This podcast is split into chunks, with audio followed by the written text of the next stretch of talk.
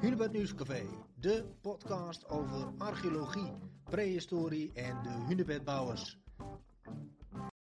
Vandaag spreek ik met student archeologie Jeljer Huisman over het vervolgexperiment rondom haardkuilen. We zijn natuurlijk erg benieuwd hoe dat allemaal werkt. Jeljer, uh, Mesolithische haardkuilen. Ja. Daar gaan we het over hebben. Ja. Daar hou jij je mee bezig. Um, het project loopt al wat langer, hè? Ja, um, we hebben al een vooronderzoek inderdaad gedaan.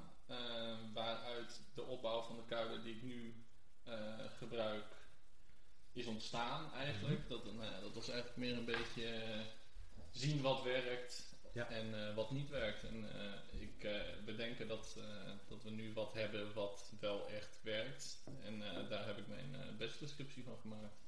Ja, nou ja, goed. We hebben het al eens gehad over haardkuilen. Maar misschien kun je toch nog even uitleggen ja, wat is een haardkuil en waarvoor werd die waarschijnlijk gebruikt? Um, nou, een haardkuil, ja, wat we daar archeologisch van terugvinden is eigenlijk nou, een uh, 10 à 20 centimeter uh, dikke laag met zwart zand, as, uh, houtskool in de ongeveer 60 centimeter diep in de, in de grond. Mm -hmm. En ja, dat hout is gedateerd ongeveer het begin van het Mesolithicum tot begin van de uh, nieuwe steentijd. Ja. Dus, nou, echt de, wanneer de hunebedden ook een beetje beginnen te bouwen, Ja. zijn, gebruiken ze nog steeds. Mhm. Uh, maar ja, het probleem daarvan is, de, de, we weten niet waarvoor ze gebruikt zijn. Omdat we die nou, 10 à 20 centimeter hebben. Maar die dingen zijn dus in ieder geval 60, 50 à 60 centimeter diep vanaf de grondniveau. En daar, daarboven zit nog een vuur Ja. als het goed is. Mhm. Ehm, ja, en je vindt ze met honderden bij elkaar. Eh, Stadskanaal bijvoorbeeld, 700 à 800 eh, zijn er eh, gevonden. Zo, ja. Wel over een periode van 700 of 7, nou, 7000, nee, volgens mij iets van 2 à 3000 jaar. Ik weet niet helemaal of ik deze data goed heb, maar Ze zijn wel, het is, het is een terrein waar wij spreken de langere tijd gebruikt Ja, is met ja. dezelfde... eh, met dezelfde, met ja, met dezelfde Ja. fondsen uit- uiteindelijk, zeg maar. Mhm. Ehm, ja, heel interessant, die haardkuilen. Ik denk ook dat ze uiteindelijk ehm, eh, misschien wel gevonden zullen worden in de periferie van, eh, van Hunebedden ook. Eh, althans, je weet het nooit. Ze zijn in Dalfsen natuurlijk ook wel gevonden, geloof ik. Of, Ehm, Hm. Ja, dus maar dat, eh, dat, ik, ik, ik, ik weet dat er zeg maar, heel veel op zandgronden worden gevonden. ja, Ehm, nou ja, en wat is een betere zandgrond dan de hondsrug Ja, eh, om, eh, Ja. om dit soort dingen op te bouwen. Mhm, mhm. Dus ja, ja dat, het zou heel goed kunnen dat ze hier ook, ook echt hebben gelegen. Ik heb nog niet heel veel erover gelezen zelf, maar Mhm. dat... eh, Nee, oké. Dat, Ja, je, bent je bent eigenlijk bezig nu met een experiment. Ehm, ehm, je bachelor eh afstudeerscriptie heet Ja. het dan, hè? Ja, Eh, hoe, hoe, ja, wat, wat is precies de bedoeling? Nou, ehm, mijn plan was eerst om eigenlijk alleen stamhout van de grove den te gebruiken in mijn kuilen. Nou ja, uiteindelijk komt dat niet op een goed genoeg onderzoek zelf. Dus nu eh, probeer ik te vergelijken jonge den, dus niet ouder als 2, 3 jaar, eh, tegenover het stamhout. En kijken van, nou ja, wat voor... eh, ja, wat komt eruit? Wat is je rendement van, van, het, van het stamhout versus het jonge Ja. denhout? Ja, wat, wat, wat brandsneller, beter, langer. Daar krijg je meer ja. teer uit, Ja. dat, dat soort... en da- da- dat is eigenlijk in een eh, notendop Ja. mijn, eh, mijn, eh, mijn onderzoek. Ja, moet nog wel allemaal. Nou, het zit nog heel erg in de beginfase verder. Dus. Mhm. Maar. ja, je bent nu bezig de kuilen te maken, eigenlijk, hè? ja, het, het onderzoek zelf, nu, nu ben ik mee bezig. Ik ben nu ongeveer twee, tweeënhalve week bezig. En er komt nog iets van 2,5 à 3, misschien zelfs vier weken. iedere woensdag en vrijdag dat ik hier op het Universiteitscentrum ben. Kijk aan. Ja, heel mooi. Ehm, even kijken. Ja, de, je zei al, het komt uit het, uit het eh, Mesolithicum eh, tot aan de, de, de, de jonge steentijd, nieuwe steentijd. Ja. Ehm, zijn er is er al onderzoek ja, bekend van waar ze uh, gebruik voor kunnen zijn geweest? Nou, er zijn drie theorieën over, waarvan eentje eigenlijk al een beetje is ontkracht. En dat is, uh, nou, daar zullen we maar mee beginnen. Dat zijn verbrande mierennesten. Oké. Dat, is, uh, ja, dat is door een Belgische onderzoeker bedacht. Mhm. Omdat, nou ja, er waren best wel wat bosbranden in die tijd. Mhm. Ja. En ehm, die dachten, nou ja, die verbrande mierennesten, dat, dat zou wel eens heel goed kunnen. Dat levert maar. zoiets Ja. op. Ja. Ja. Oké. Ehm, uiteindelijk bleek dat dus, nou in die kuilen zit dus houtskool en soms zelfs wat stukjes verbrand vuursteen. Ehm, heel, heel erg, nou ja, menselijke dingen die daarin zitten, zeg maar. Ja. Dus eh, mijn eigen scriptiebegeleider die heeft dat een beetje ontkracht van ja, dat is eigenlijk gewoon niet mogelijk omdat er gewoon heel veel menselijke sporen in zulke kuilen worden gevonden. Dus Ja. en om nou echt blokjes hout door mieren, ik bedoel ze gebruiken het wel, maar Ja. niet in zulke grote stukken. Dus Nee. nou, vandaar een beetje, een beetje ontkracht. Oké, Eh, er blijven er nog twee over. Nog natuurlijk. twee, ja. Dan, eh, dan hebben we nog de voedselproductie. Oké. Ehm, het probleem daarmee is, er wordt geen verbrand bot in die kuilen gevonden. Dus dan denk je van, eten ze alles op? Of Ja. nou, normaal gesproken, als je een vuurtje hebt, je ba- bakt er iets op. Nou, je, Ja. je eet het vlees en die botjes, die eh gooi je gewoon weer het vuur in, zeg maar. Dus, Ja. Dus dat, nou ja, dat leek mij zelf ook niet... ehm, nou, Heel plausibel zo. Nee, ja, precies. Nou, ik wil het nog wel een keer doen. Ja. Een kippetje in een kuil eh, braden, maar, Ja. Ja. maar niet dit onderzoek. Nee. En, nou, en dan als laatste is de teerproductie. Mhm. En wat we daarvan, nou, waarom ik dat denk, wat we terugvinden, zijn soort verglaasde en het lijkt alsof het bubbels op het hout zitten. Oké. En eh, dat is heel erg, nou, dat laat heel erg zien dat er iets eh, met weinig zuurstof is verbrand. Ja.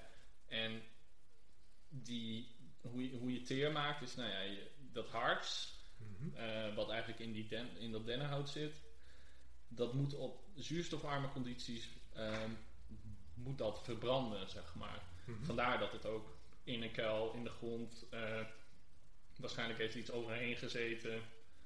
eh, om daar zo weinig mogelijk zuurstof bij te laten komen. Nou ja, dat wisten, ze wisten natuurlijk niet dat dat door het zuurstof kwam vroeger. Maar eh, Nee. dat weten we nu dat dat wel kan. Dus vandaar dat, dat ik denk dat dat wel Ja. ja, teerproductie is geweest uiteindelijk. Ja, Maar- want wat, wat, wat kon de Mesolithische mens met teer? Met teer, eh, van alles, van alles en nog wat. Ehm, het werd veel gebruikt voor het, eh, nou, ja, eigenlijk het bevestigen van gereedschap aan een steel. En nou, ja, als je een vuurstenen bijl hebt, eh, de, de, het, de, het vuursteen zelf wordt ontwikkeld rondom eh, een soort van ja, houten steel. Ja. En teer, als het heel warm is, is het vloeibaar. Dus goed makkelijk af te, eroverheen te smeren. Mhm. Maar als het opdroogt, dan wordt het keihard. Ja. Dus dat blijft zo goed vastzitten dat dat. eh, nou ja, dat is eigenlijk, eigenlijk wat we nu doen met de ijzeren pinnen, zeg maar, in de, in de bijlen. Ja. Eh, daarna, nou ja, daarnaast het insmeren van organisch materiaal, een, een vislijn of eh, visfuiken, of nou ja, wat, wat je maar kan bedenken wat ze hebben gebruikt. Oké. Ehm, omdat dat, eh, dat teer, dat helpt heel erg tegen het vergaan van het materiaal, zeg maar, van het organisch materiaal. Dus dan kan Dat je het beschermt als het ware. Ja, precies. Dus het, het, het, eh, het zorgt ervoor dat je gereedschap veel langer meegaat dan dat het normaal gesproken zou doen. Mhm. En daarnaast werd het ook nog gebruikt als kauwgom. Oké, ja. Eh, Die, dit hebben we dus ook archeologisch aangetroffen. Stuk, eh, gewoon brokjes teer Mhm. met eh, de tandafdrukken van jonge kinderen en oude mensen. Dus Ah echt, nou ja, jonge kinderen waarschijnlijk nou, met het wisselen van tanden, Ja. dat ze daar last van kregen, dat ze dachten, nou ja, eh, hier is teer, eet het o- eh, kou erop en spuug het uit. En, Vrees fluor. Ja. ja. precies, precies. En, en, en nou ja, voor oude mensen natuurlijk, dat, die krijgt vaak ook tandproblemen. In, en in ieder geval sowieso zonder goede zorg. Ja. Ehm, dus en het heeft heel erg antibacteriële eigenschappen teer. Ja, oké. Dus, eh, hetzelfde een beetje als houtskool. Dat, eh, nou ja, dat deden ze vroeger ook eh, Ja, hun tanden mee poetsen met houtskool. Dus het, dus het is eigenlijk een heel, ja, heel belangrijk onderdeel in het, heeft het in het leven, teer. Eh, het, hè, het, heeft letterlijk, eh, eh, ja. letterlijk alles bij elkaar vastgehouden eh, Ja. in, de, in de middensteentijd. Dus eh, ja. Dus ja, eh, vandaar ook dat je er misschien zoveel vindt. Omdat mensen het ook gewoon ook, eh, ja, Ja. een moeizaam proces natuurlijk om, teer, om veel teer te maken. ja, dat kan ik zeker beamen dat het een, eh, een moeilijk proces is. Het is ook echt eh, nou ja, leren hoe het werkt. En, eh, maar ja, ik, ik denk ook vooral hier in nou, Noordwest eh, Nederland Hmm. of Noordoost Nederland. Ja. En dat, ehm, want we hebben hier vrij weinig grondstoffen. Ja. Maar we vinden toch dingen als eh, amber en Helgoland vuursteen of vuursteen uit Frankrijk. Nou ja, wat hebben we hier wat we daarvoor kunnen ruilen? Nou ja, vrij weinig. Dus Ja. dat is, nou, dit, dit is ook maar speculatie van mij hoor. Dat Mhm. eh, kan ik nog niet met zekerheid zeggen. Dat, eh, dat zien we aan het eind van, van mijn scriptie wel. Maar eh, Het zou kunnen zijn dat teer dus werd verhandeld. eh, Ja, is, is jouw ja. hypothese even in deze. ja, ja, want eh, nou ja, we weten dat er goede contacten zijn geweest. Anders heb je niet dat Franse vuursteen of dat amber uit de Baltische Zee hier in Nederland. Dus vandaar dat, dat dat idee wel een beetje door mijn hoofd spookt, zeg maar. Ja, Dus, misschien was, eh, was de Hondrug wel de meest liefste teerfabriek eh, van, eh, van Nou, ze Noordwest-Europa. Nou ja, het, het is natuurlijk wel een aantal honderd kuilen over een hele lange tijdsperiode. Dus Ja. hoe, hoe groot die industriële productie daarvan zou zijn geweest, is dan ook weer. Ja. en en de, de techniek is misschien wel bekend geweest ook op andere plekken in Europa. Ja, Dus eh, ja, het, eh, het is. Het is, nog, ja. het is heel speculatief. ja. Mooi. Eh, hoe gaat, eh, ja, hoe, hoe zien de komende weken er- dan uit in het onderzoek? Het is aan het begin, zei je al, dus, dus je moet nog even. Ja. Ja, ja, ik heb, nou ik heb zelf al drie kuilen gestookt tot nu toe en ik moet er nog zes.